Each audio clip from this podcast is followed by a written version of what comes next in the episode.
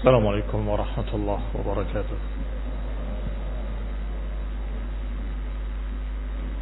إن الحمد لله نحمده ونستعينه ونستغفره ونعوذ بالله من شرور أنفسنا ومن سيئات أعمالنا من يهده الله فلا مضل له ومن يضلل فلا هادي له وأشهد أن لا إله إلا الله وحده لا شريك له وأشهد أن محمدا عبده ورسوله صلى الله عليه وعلى آله وأصحابه والتابعين وتابع التابعين ومن تبعهم بإحسان إلى يوم الدين.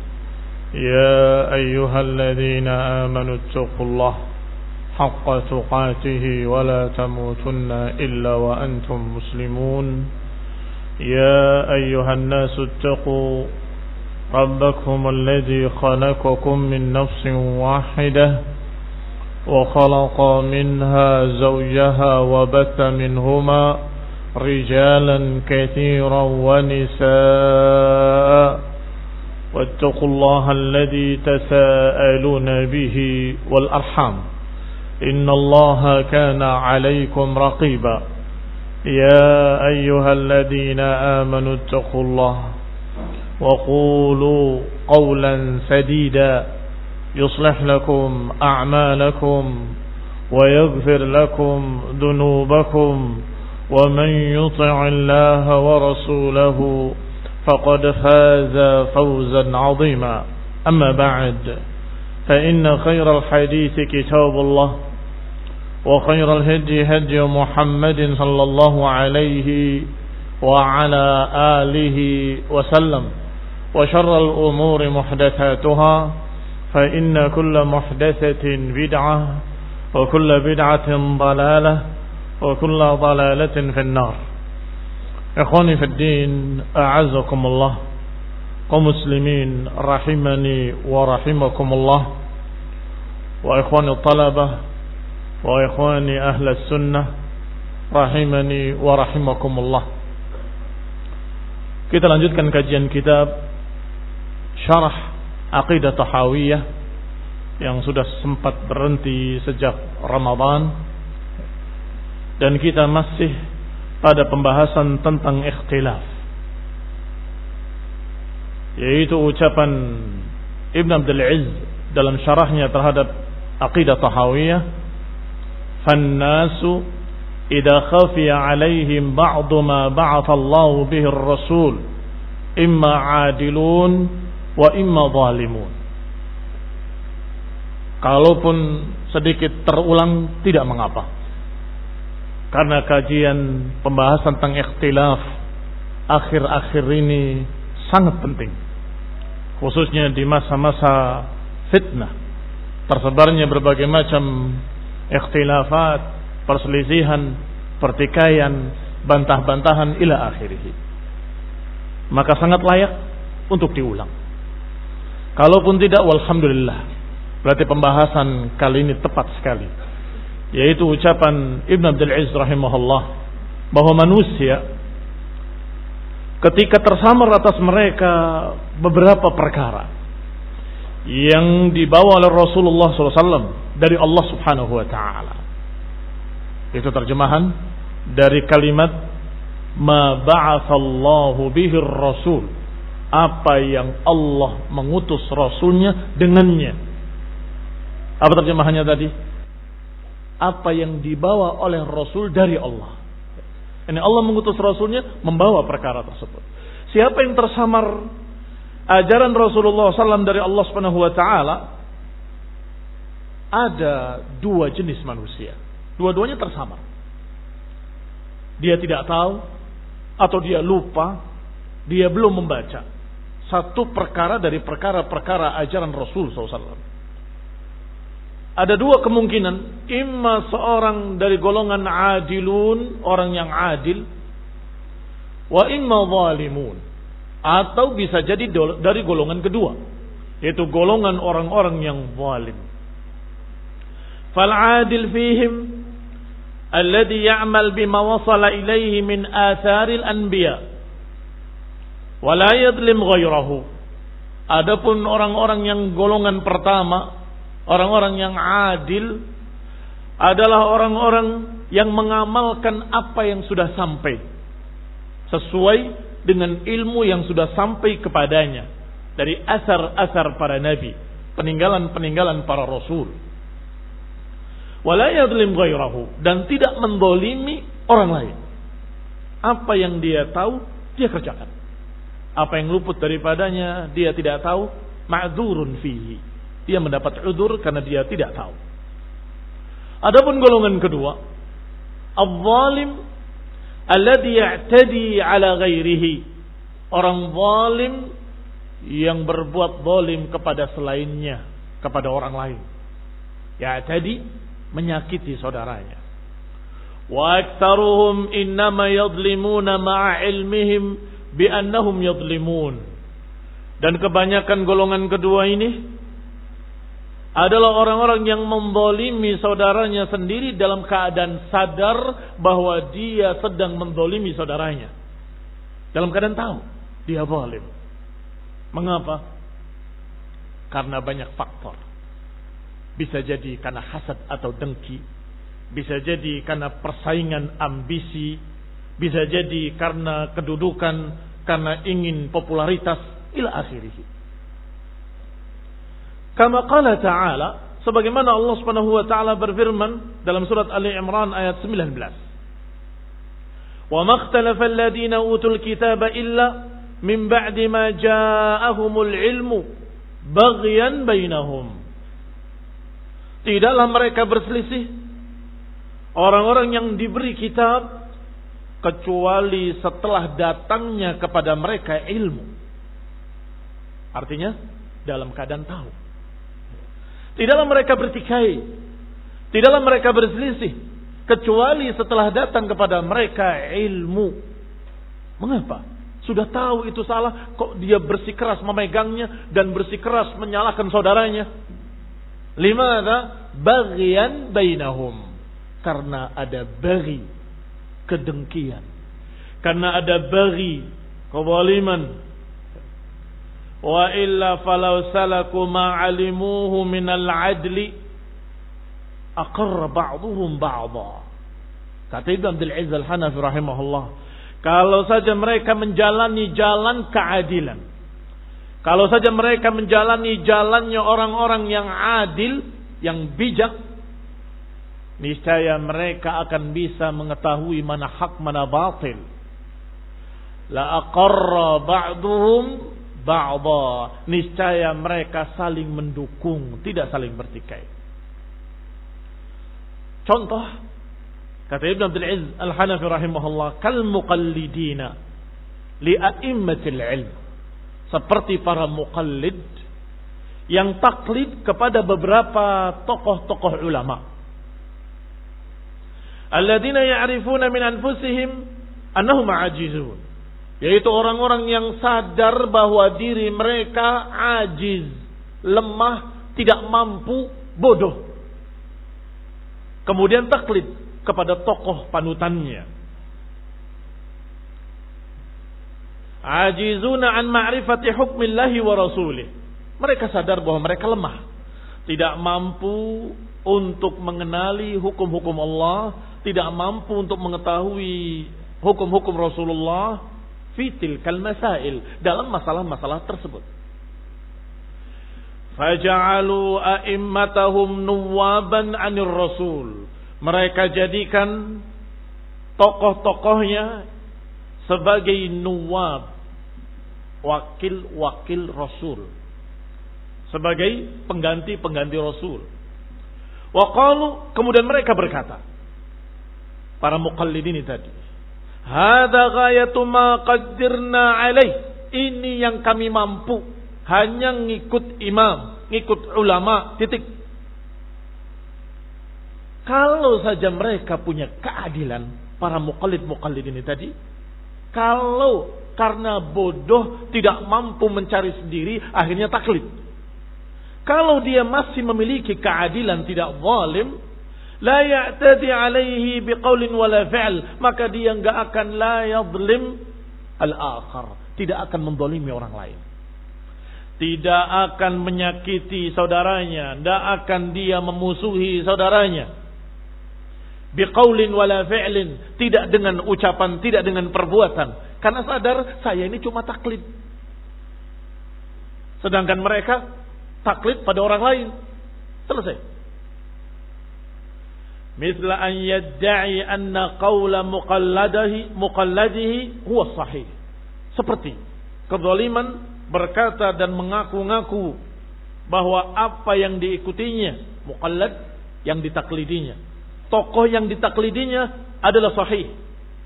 Benar di atas kebenaran tanpa hujjah tanpa burhan, tanpa bukti, tanpa dalil. Bila hujjatin yubdiha.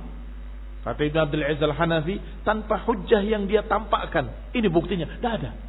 Pokoknya guru saya benar. Pokoknya tokoh saya benar. Tidak mungkin salah. Ini mulai zalim. Maka semua yang selain apa yang dikatakan guru saya batil. Bahasa tenarnya di Indonesia pokoknya apa jari kiai. Ya kan? Sama.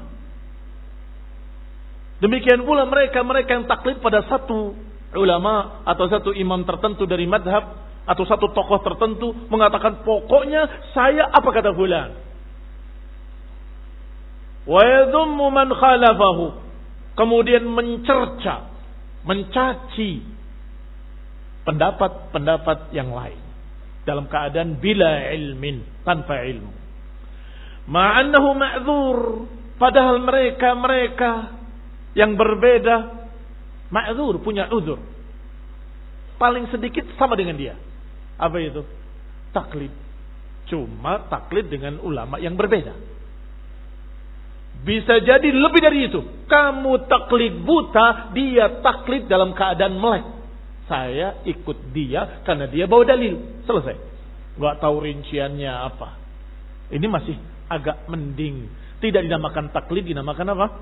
Ittiba. Ngikut ulama.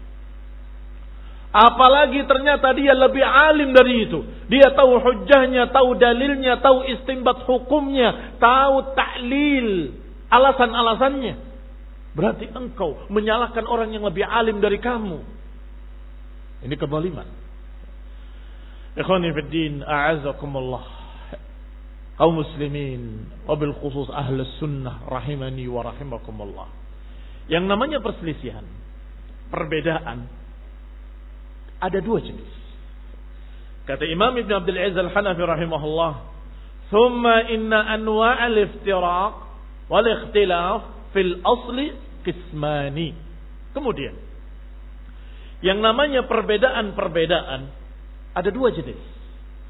Ada ikhtilafu tanawwu' ada ikhtilafu tabad. Ada ikhtilaf dalam bentuk tanawwu' ada ikhtilaf dalam bentuk tabad. Tanawwu' itu berbeda-beda ragamnya. Berbeda-beda macamnya, tetapi tidak bertentangan. Ini ikhtilaf tanawwu'. Yang kedua ikhtilaf tabad. Ikhtilaf yang bertentangan satu dengan lainnya. Bisa, tidak bisa. Boleh, tidak boleh. Ini halal, tidak ini haram. Bertentangan. Tabad. Kita bahas satu persatu.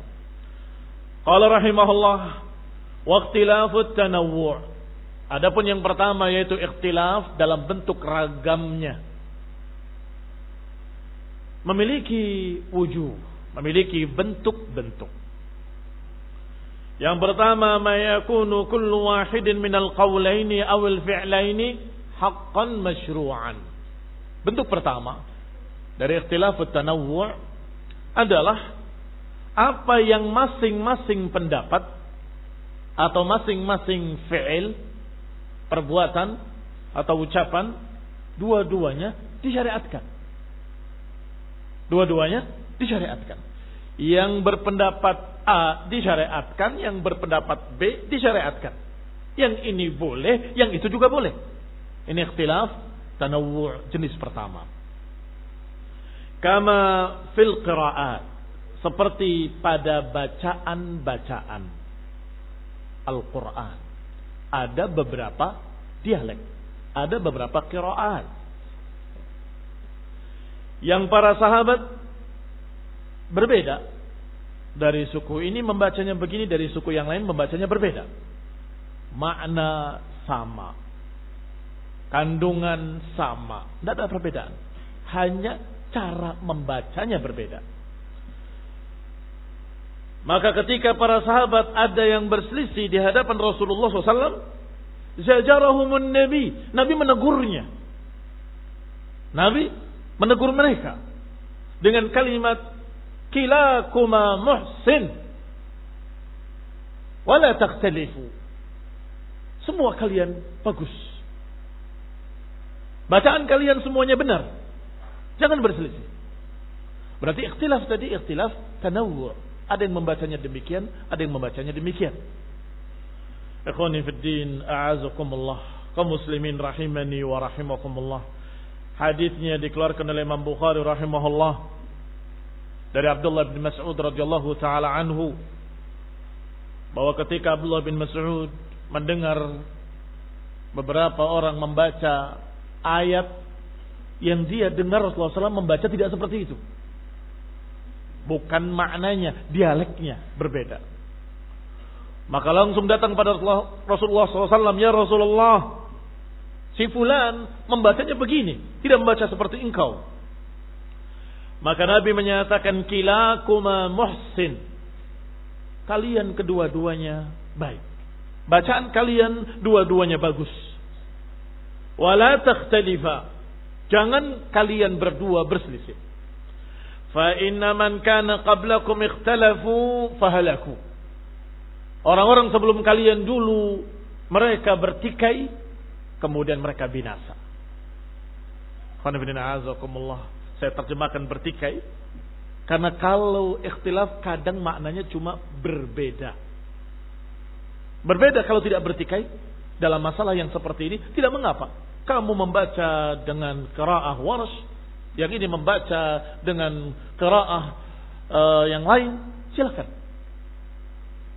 Tidak perlu diperselisihkan, nggak perlu diributkan, nggak perlu pertikaian, nggak perlu pertikaian. Demikian pula seperti ikhtilaf fi sifatil adzan. Ada yang adzan dengan adzan Abi Mahdhurah. Ada yang adzan dengan sifat adzan Abdullah bin Zaid. Dua-duanya diriwayatkan, dua-duanya sahih, dua-duanya boleh. Kenapa harus diributkan? Ini ikhtilaf tanawwu'. Demikian pula masalah adat dan iqamah. Tentang masalah witir dan ganjil atau witir dan genap. Wal istiftah, bacaan-bacaan istiftah. Yang ini membacanya Allahumma ba'id baini wa baina khatayaya. Yang ini membacanya dengan Allah berkabirah. Yang ini membacanya dengan Allah. Tidak mengapa. Semua diriwayatkan dan semuanya sahih. Ini ikhtilaf tanawwu'. Ikhtilaf tanawwu'. Wa mahallu sujud as-sahih. Mahallu sujud as-sahu sujud sahwi. Tempatnya setelah salam atau sebelum salam. Diriwayatkan setelah salam, diriwayatkan sebelum salam. Wa tasyahud wa salatul khawf. Demikian pula bacaan tasyahud. Bacaan salawatnya. Juga ada sedikit perbedaan-perbedaan. Barakallahu fikum. Yang semuanya diriwayatkan. Demikian pula pada takbiratil id. Pada takbir-takbir hari raya. Ada yang dua kali, ada yang tiga kali. Ada yang bacanya dengan demikian, ada yang bacanya dengan demikian. Silahkan. Selama itu diriwayatkan dalam riwayat yang sahih, selama itu disyariatkan, biarkan. Masing-masing dengan apa yang dia dapatkan dari hadis-hadis. Mimma qad syuri'a jami'uhu. Kata Ibn Abdul Aziz Al-Hanafi rahimahullah selanjutnya. Dari perkara-perkara yang disyariatkan seluruhnya Wa in kana ba'du anwa'ihi arjah au afdal. Walaupun kadang-kadang yang satu lebih rajih dari yang lain atau yang satu lebih afdal dari yang lain. Toh tidak mengapa dia membaca yang mafdul. Kalaupun kamu ingin mengingatkan, kenapa nggak cari yang afdal? Silahkan, tidak dilarang. Dan itu bukan perselisihan. Dengan bahasa yang baik. Qad ahsana. Manintaha. Ila masanya. Lakinni sami'tu. Silahkan. Telah bagus orang yang mengerjakan apa yang dia dengar. Kan bagus dia mengerjakan apa yang didengar dari hadis yang sahih. Qad ahsana man intaha ila. Sebagaimana ucapan Ibnu Zubair rahimahullah. Jubair dengan jim bukan dengan zaid. Mengapa dia mengatakan seperti itu ketika menegur saudara, saudaranya? Karena dia tahu yang dikerjakan punya dalil. Ya, bagus. Kamu mengerjakan dalil itu bagus. Tidak seperti mereka yang beramal tanpa dalil. Kamu beramal dengan dalil bagus. Tapi aku tahu yang lebih afdal dari itu. Yaitu hadis ini, hadis ini, hadis ini. Selesai. Fa'in sami'a minhu fadak, wa illa fala alaih. Kalau dia mendengar ucapanmu Alhamdulillah, kalau tidak mau, fala alaih. Kamu tidak salah. Kamu sudah menyampaikan. Ikhwani fiddina azakumullah. Ini barakallahu fikum jenis pertama dari ikhtilafut tanawwu' Berselisih tapi perbedaan ragam saja. Thumma tajid li katsirin min al-ummah fi dzalika al-ikhtilaf mau awjab iqtital.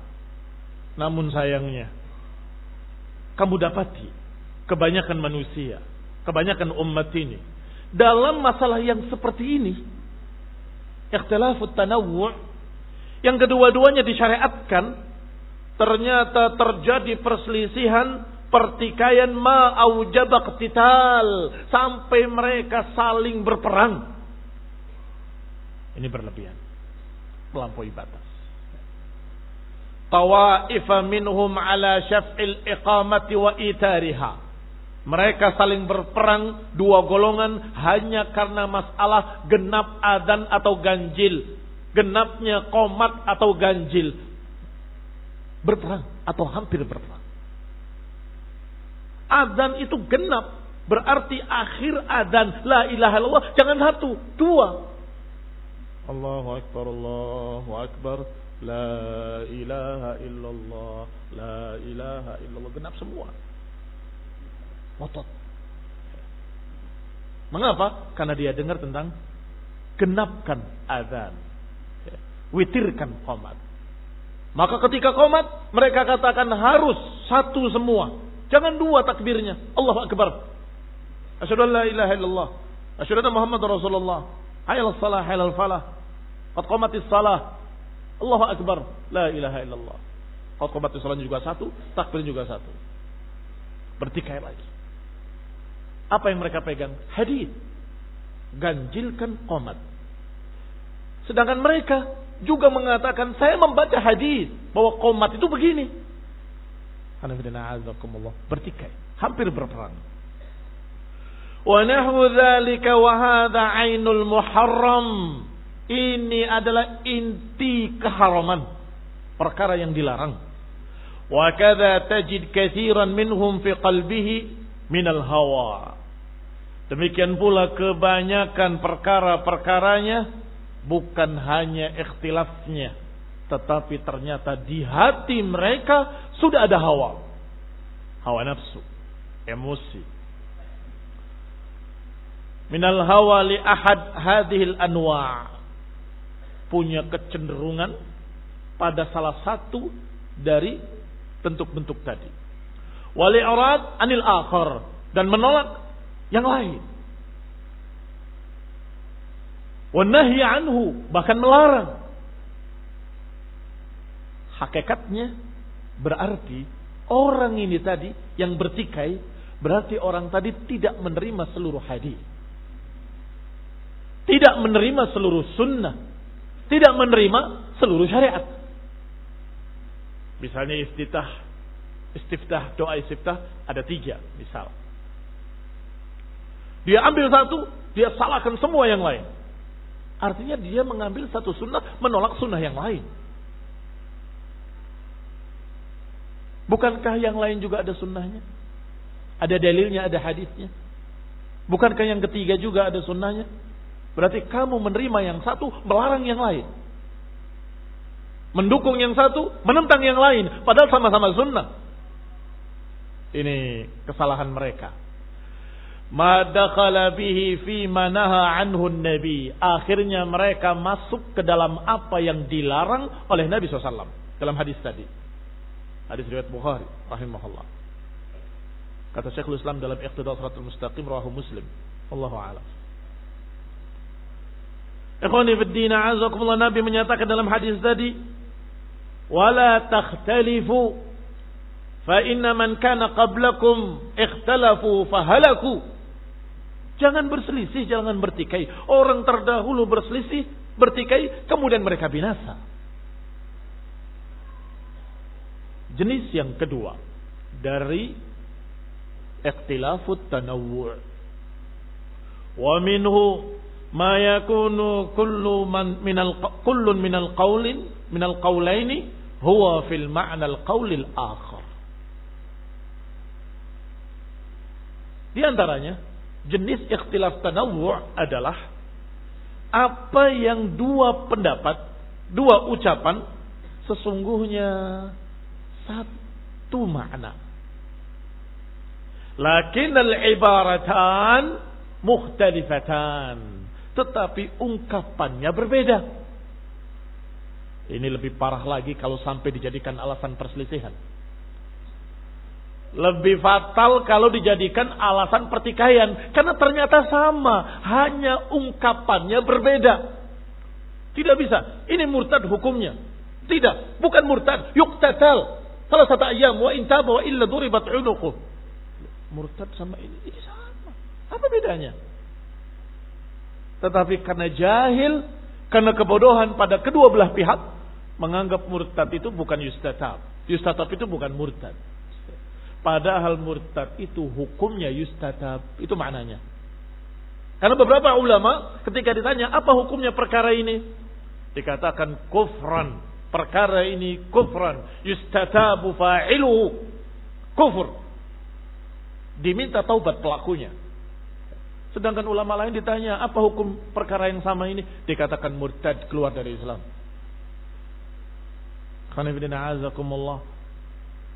Yang dimaksud oleh mereka sama, bahwa hukumnya murtad.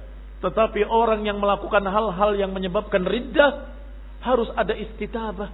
Harus ada istitabah, yustatab wa intab wa illa duribat unuquh oleh penguasa. Diminta taubat. Tiga hari. Kalau mau taubat, kalau tidak, maka dihukumi dengan hukum pancung. Oleh penguasa. Kaum muslimin rahimani wa rahimakumullah. Kembali kepada kitab kita. Berarti jenis kedua ikhtilaf ikhtilafut tanawwu' adalah apa yang masing-masing ucapan sesungguhnya semakna. Hanya ungkapannya berbeda. Kama qad yakhtalif katsirun minan nasi fi alfadhil hudud. Seperti berselisihnya mereka tentang lafat-lafat hukum had. Yang tadi kita contohkan itu hukum had namanya. Yustatab wa intaba duribat unuquh yudrob. Kata yang lain cambuk. Enggak, pukul. Dia kira pukul itu begini. Barbis saut, nah, maknanya cambuk. Atau siyagul adillah. Atau bentuk-bentuk dalil. Dalil ini sama. Semakna. Hanya saja dalam riwayat rawi fulan. Kata-katanya begini. Dalam riwayat yang lain kata-katanya berbeda. Kemudian saling membodohkan satu dengan lain. Engkau jahil, tidak mengerti hadis. Lafadznya tidak seperti itu. Wah, dengan gagahnya. Lafadznya seperti ini. Memang kamu jahil, tidak hafal hatta arba'in nawawiyah. Masya Allah. Padahal dia juga nggak hafal. Karena nggak tahu lafadz yang dibaca oleh saudaranya. Dia nggak tahu kalau itu lafadz sahih.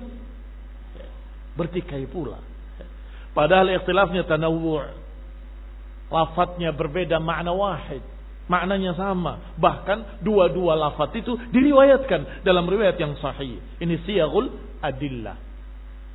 Wa ta'bir anil musammayat. Atau perselisihan dalam mengungkapkan istilah. Beberapa ulama berbeda mengistilahkan sesuatu. Yang satu menyebutkan anggur saja, maknanya khomer dibikin dari anggur. Baik. Yang satu menyebutnya khomer. Terjadi pertikaian, perselisihan. Atau yang satu menyebutkan nabis. Nabis itu juz korma. Ya halalan toyiba. Tetapi yang lain menyebut nabis itu lain. Terjadi ikhtilaf. Karena perbedaan lafat-lafat. Ikhwani azakumullah. Kalau maknanya sama yang dimaksud atau lafadznya berbeda tapi yang dimaksud sama, selesai masalah. Kalau saja mau sabar sedikit dan merujuk kepada kitab-kitab para ulama. Thumma jahlu awil zulmu yahmil ala hamdi ihdal maqalataini wa dhammil ukhra. Kemudian kebodohan. Kembali kepada ucapan Ibn Abdul Aziz rahimahullah. Thummal jahlu aw dhulm. Kemudian kebodohan ini atau kedoliman ada dua kemungkinan. Kemungkinan karena bodoh, kemungkinan karena zalim. Wa ahlahuma mur kama yuqal. Ahlahuma mur yang paling manisnya pahit. Bodoh juga pahit, apalagi zalim. Nah ini pas kena kalimat in kunta tadri fatil ka musibah wa in kunta la tadri fal musibatu a'zam atau in kunta la tadri fatil ka musibah wa in kunta tadri fal musibatu a'zam. Kalau engkau tahu, ah, kalau engkau tidak tahu, itu musibah. Dan ini bodoh, ini jahal. Kalau engkau tidak tahu, itu musibah. Kenapa tidak tahu nyala-nyalakan orang lain? Dengan kebodohanmu. Baik. Wa in kunta tadri fal musibatu a'zam. Kalau engkau tahu berarti engkau lebih jelek lagi. Musibahnya a'zam, lebih besar. Mengapa? Sekarang zalim. Zulm. Ya memang saya tahu ada riwayatnya, tapi jangan jangan sampaikan. Ya. Apa maknanya? Zalim. Al-jahlu awil zulmu, kebodohan atau kedoliman sering membawa pada istilah yang seperti ini yang sesungguhnya tidak berbeda sama. Ya khomer itu yang dimaksud inab oleh ulama imam fulan. Sama. Yang disebut dengan nabi itu juga khomer selesai. Tapi ada itu nabi dalam istilah lain. Muslimin rahimani wa rahimakumullah. Akhirnya kebodohan dan kedoliman membawa untuk memuji satu pendapat dan mencerca pendapat lain padahal kedua-duanya kandungannya sama. Innalillahi wa inna ilaihi raji'un. Adapun ikhtilaf yang kedua, ikhtilafut tabad. Ikhtilaf yang bertentangan. Berarti tadi ikhtilaf tanawu ada dua jenis. Yang satu jenis yang masing-masing disyariatkan. Yang kedua, beda istilah saja. Maknanya sama. Amma ikhtilafut tadad. Adapun ikhtilaf yang tadad, yang kontradiksi. Fahuwal qawlani al-mutanafiyan. Maka itu adalah dua pendapat yang saling bertentangan. Imma fil usul wa imma fil furu' bisa dalam pokok-pokok agama, bisa pada cabang-cabangnya. Indal jumhur alladzina yaquluna al-musib wahid. Menurut jumhur para ulama yang berkata bahwa kebenaran itu hanya satu. Wal khatbu fi hadza ashad. Tentunya perkaranya lebih dahsyat. Bagi mereka yang berpendapat kebenaran cuma satu, maka lebih dahsyat lagi perkaranya. Lianna al-qaulaini yatanafayan. Karena dua pendapat tadi saling bertentangan. Saling kontradiksi. Tidak mungkin diterima dua-duanya. Tidak mungkin.